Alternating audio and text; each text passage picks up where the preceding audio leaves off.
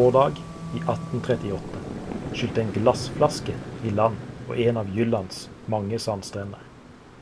I flasken lå et forseglet brev med en viktig beskjed. Brevet var fra kaptein Hetting på Koffen Fortuna av Arendal. Skipet hadde forlatt Arendal i midten av mars, men siden hadde ingen hørt fra det. Hjemme i Arendal frykter man det verste. Byens innbyggere var redd skipet hadde forlist med mann og mus. Yngstemann om bord var kun ti år. Brevet i flasken var skrevet på både tysk, engelsk og fransk. En flaskepost fra Fortuna ble også funnet drivende i havet av et skip fra Mandal. Flaskepostbrevet ble sendt til Norge. Her ble det trykket i avisa Vestlendingen i juni 1838. Der kunne man lese. Koffen Fortuna, ført av løytnant G.F. Hetting av Arendal, bestemt for Le Havre, sprang lekk i Nordsjøen 21. mars. Mannskapet ble den 25. mars berget av det junge Martin av Hamburg og kaptein Main. Vi må fortsette reisen til Grønland for senere å vende tilbake. I flere dager hadde mannskapet stått med vann opp til knærne og håpt på et mirakel. Da det endelig skjedde, var det med en liten tvist. Redningen skulle vise seg å være starten på en enda lengre og ikke minst kald reise. Kaptein Hetting og mannskapet på Fortunas ufrivillige reise til Grønland våren 1838 skulle imidlertid sette sine spor i norsk polarhistorie. Bli med på tokt inn i polarhistorien. Dette er første episode av Polarpionerene polarhistorien sett fra Sørlandet.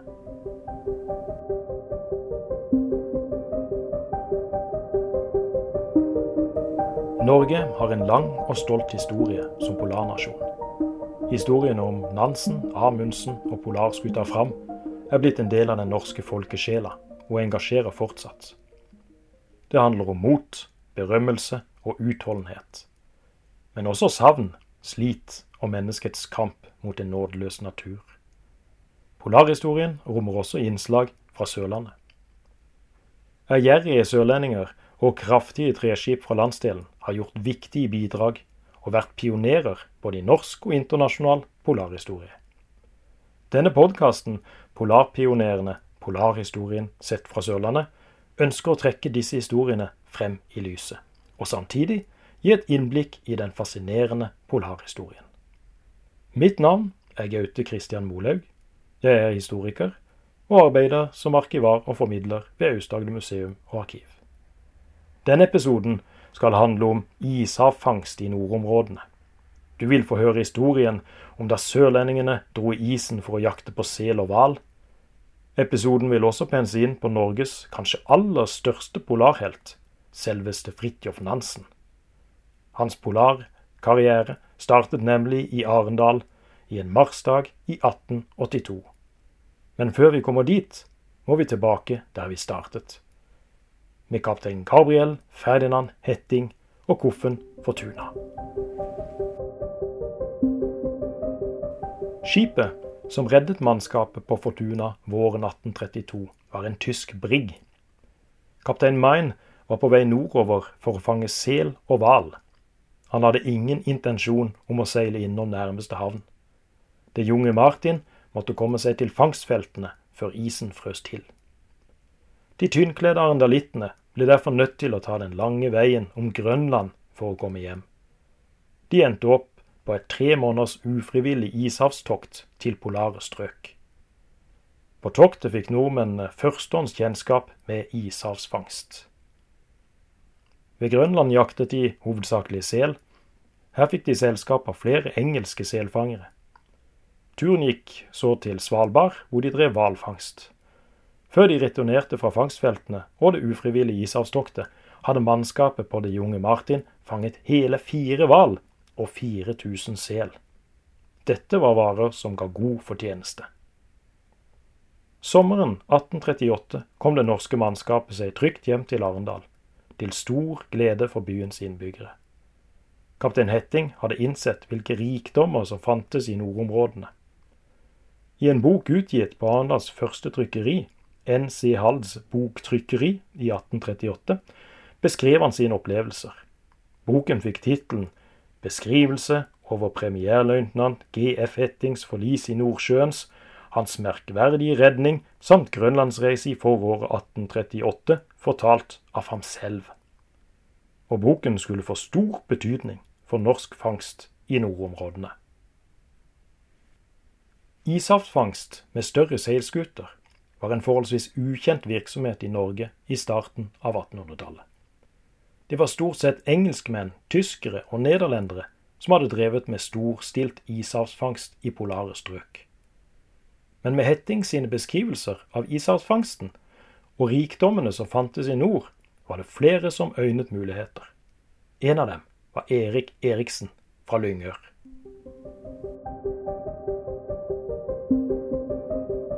Erik Eriksen ble født i 1820 og vokste opp på Lyngør, som eldst i en søskenflokk på seks. Han kom fra en familie med lange lostradisjoner på farssiden. Hans far, los Erik Ingebrigtsen, døde på havet da Erik kun var tolv år gammel. Dette skremte ikke Erik fra å velge sjøen som sin arbeidsplass. Selv om skolemesteren på Lyngør mente at Erik var et skolelys som hadde framtid i skoleverket, utdannet Erik seg til styrmann. Den bokglade sørlendingen skal ha kommet over beretningene fra kaptein Hetting og fangstmulighetene i nord.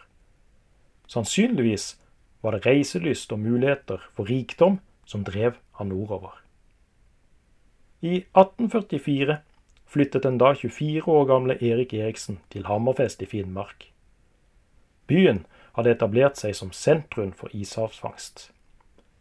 Eriksen slo tidlig rot i Finnmark. Han giftet seg allerede det første året han kom til Hammerfest. I den nordnorske kystbyen etablerte han seg som ishavsskipper og seilte i ukjent farvann på leting etter de beste fangstfeltene. I sin jakt på hval ble Eriksen den første til å oppdage øygruppen Kong Karls land. Øygruppen består av tre øyer og ligger på østsiden av Spitsbergen. I dag inngår det som en del av Svalbard. På sine reiser i ishavet oppdaget Eriksen også store mengder hval. Hval var en lukrativ vare. Hvalolje, som ble brukt til belysning og smørolje, ga god fortjeneste. Det var imidlertid svært krevende å fange havets giganter. Harpuner ble brukt for å fange hval, men de tok ikke livet av det store dyret. Den tradisjonelle måten var å lense en fanget hval med en lanse eller et lensespyd. Ifølge historien skal Eriksen ha oppfunnet en hvalharpun, der formålet var å ta livet av hvalen umiddelbart. Eriksen laget en tremodell av sin harpun, og en som fattet interesse for den nye oppfinnelsen til Eriksen, var Sven Foyn fra Vestfold. Sven Foyn var skipsfører og hadde i begynnelsen av 1840-årene bodd i Lillesand. Her hadde han vært gift med en prestedatter, Ekteskapet skulle imidlertid ta slutt i 1843, noe som skal ha skapt en skandale i den lille sørlandsbyen. Skilsmissen bidro til at han i 1844 dro nordover for å prøve noe helt nytt, nemlig selfangst. Foyn skal etter hvert ha fått øynene opp for havets giganter. På midten av 1850-årene inviterte Foyn den utflyttede sørlendingen Eriksen ned til sin hjemby Tønsberg. Her samarbeidet de om utviklingen av Eriksens harpun. Foyn fikk en lokal smed til å smi en prototype. Dette var starten på det som skulle bli granatharpunen. Fangstredskapet kunne ta livet av de aller største hvalene. Den nye oppfinnelsen kom til å revolusjonere hvalfangsten. Den kom også til å gjøre Sven Foyn til en rik og berømt mann. Eriksen derimot skulle ende opp som en fattig mann uten ære. Ettersom Foyn hadde finansiert oppfinnelsen, anså han den som sin. Eriksen hadde kun vært en ansatt. Sven Foyn og hans nye oppfinnelse la i løpet av 1860-årene grunnlaget for den moderne hvalfangsten, en næring som i de neste hundre årene skulle bli blant Norges største. I 1864 dro verdens første dampdrevne hvalbåt, Spess og Fides, ut på tokt. Foyn hadde installert flere harpunkanoner om bord. Mens Foyn videreutviklet og etter hvert patenterte granatharpunen, forlot Erik Eriksen Norge. I 1864 emigrerte han til USA. Familien lot Eriksen bli igjen i Norge. Eriksen omkom i en snøstorm i Dakota på slutten av 1880-årene, glemt og fattig. Foyn derimot sikret seg et ti års monopol på hvalfangst langs Finnmarkskysten. Hvalfangsten i nord gjorde Foyn svært rik. Han mottok også flere kongelige utmerkelser for sine økonomiske triumfer. Få år før sin død i 1894 utrustet han også en hvalfangstekspedisjon i Antarktis. Han ble dermed en av pionerene til det norske hvalfangsteventyret i Sør-Ishavet. Mens Sven Foyn anses som grunnleggeren av moderne hvalfangst, har en annen nordmann skrevet seg inn i polarhistoriebøkene med gullskrift. Fridtjof Nansen er kanskje viktigste bidragsyteren i den moderne polarhistorie og polarforskning. Men for å fortelle historien om polarhelten Nansen, må vi tilbake til der det startet til Arendal våren 1882. Ishavet er noe for seg selv, ulikt alt annet, og fremfor alt ulikt det en gjerne tenker seg.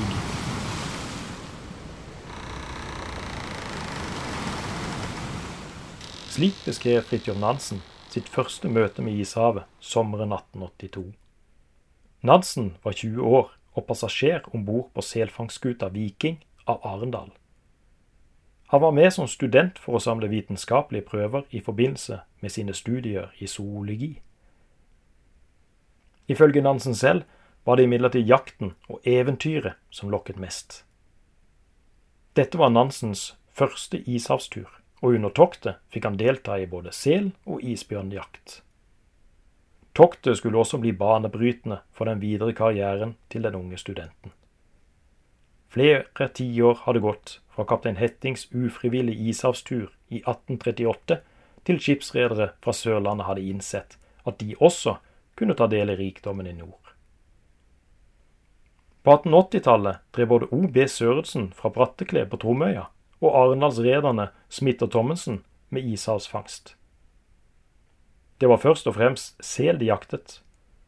Det var selskinnet som ga inntekter. Men også selspekket var av interesse, fordi det kunne kokes til seltran. Fangstområdene var Vestisen, Østisen og Grønlandsstredet.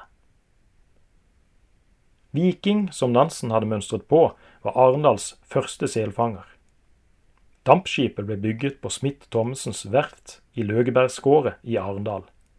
Skipet var det første av flere sterke selfangere i tre som ble bygget i sørlandsbyen på 1800-tallet.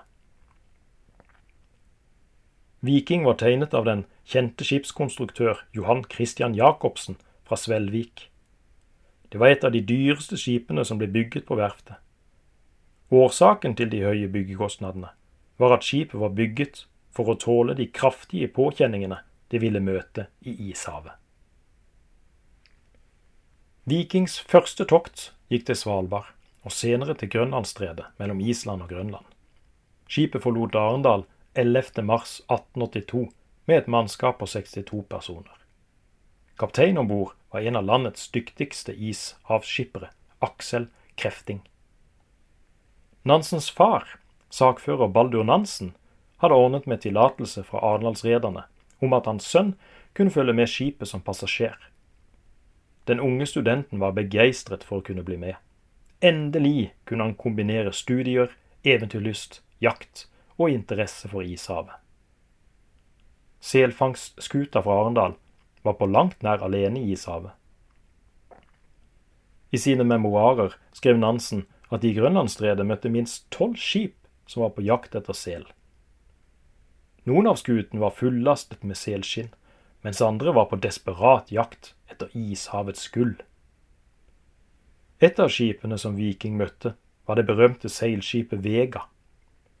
Skipet ble i 1878 til 1880 det første til å seile gjennom hele Nordøstpassasjen under ledelse av den finsk-svenske oppdageren Adolf Erik Nordenskjøld. Nansen betraktet ærbødig Vega da det passerte. I slutten av juni frøs Viking seg fast i isen utenfor Øst-Grønland. For Viking og dets mannskap var det en økonomisk katastrofe. Skipet ble liggende og drive i nesten en måned i den beste tiden for selfangst. For Nansen ble det den beste tiden om bord.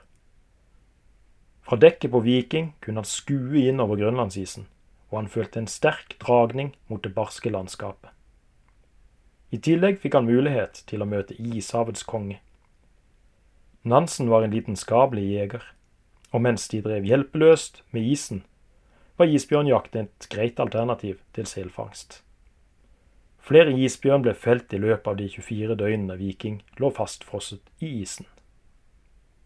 Det ufrivillige oppholdet i isen bidro til at det første toktet ikke ble like lukrativt som forventet. Til tross for et magert resultat var mannskapet i godt humør da Viking ankom Arendal i slutten av juli 1882. I sin bok Blant sel og bjørn min første ishavsferd fra 1924 skriver Nansen om hjemkomsten. Arendal visste enda ikke hva det ville si å få ishavsgaster hjem fra langferd. Selfangerne skulle ta igjen det tapte etter flere måneder i isen. De sloss med hverandre og jagde politikonstablene gjennom byens gater. Nansens diplomatiske evner kom til sin rett da han og kaptein Aksel Krefting måtte stoppe bøllene fra å kaste en av byens konstabler på sjøen. Arendal skulle etter hvert bli mer vant til gjenkomne selfangere.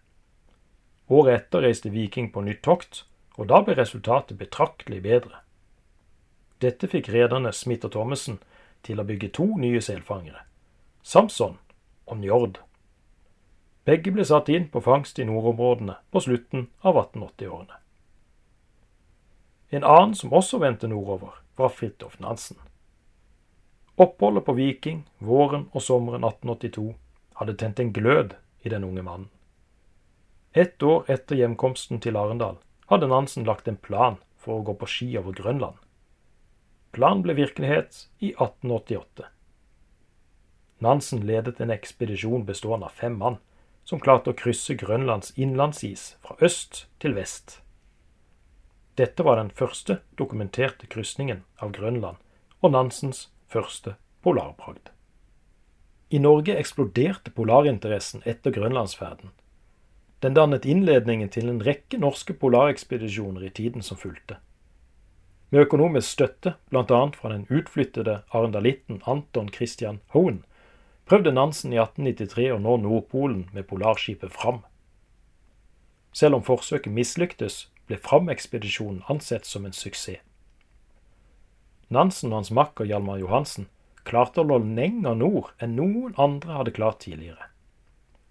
Over hele landet ble Nansen feiret som en nasjonalhelt. På vei hjem fra det tre år lange oppholdet i isen besøkte Fram flere steder langs norgeskysten.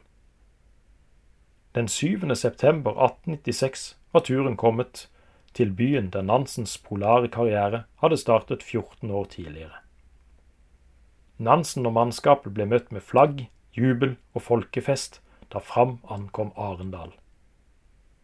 Det norske folket var bitt av polarbasillen, og Nansen var nasjonens nye yndling.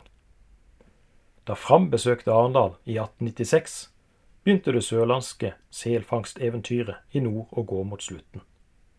Overbeskatning, økte driftsutgifter og prisnedgang på selskinn førte til at det var vanskelig å gjøre næringen lønnsom. Arendalsrederne trakk seg ut av selfangsten på begynnelsen av 1900-tallet. Rederne Smith Thommessen solgte derfor sine selfangere. Viking ble solgt i 1903, mens den siste selfangstskuten, Njord, ble solgt i 1910.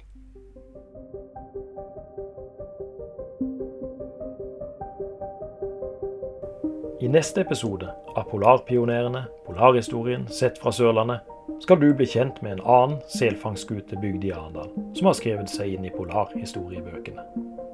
Da vil jeg fortelle om skuta Pollux, som endte opp som ekspedisjonsskip under den britiske Southern Cross-ekspedisjonen til Antarktis. I episoden vil du også få høre historien om matros Hans Johan Johnsen fra Tromøya, den første sørlending som satte sine ben på det antarktiske fastland. På gjenhør.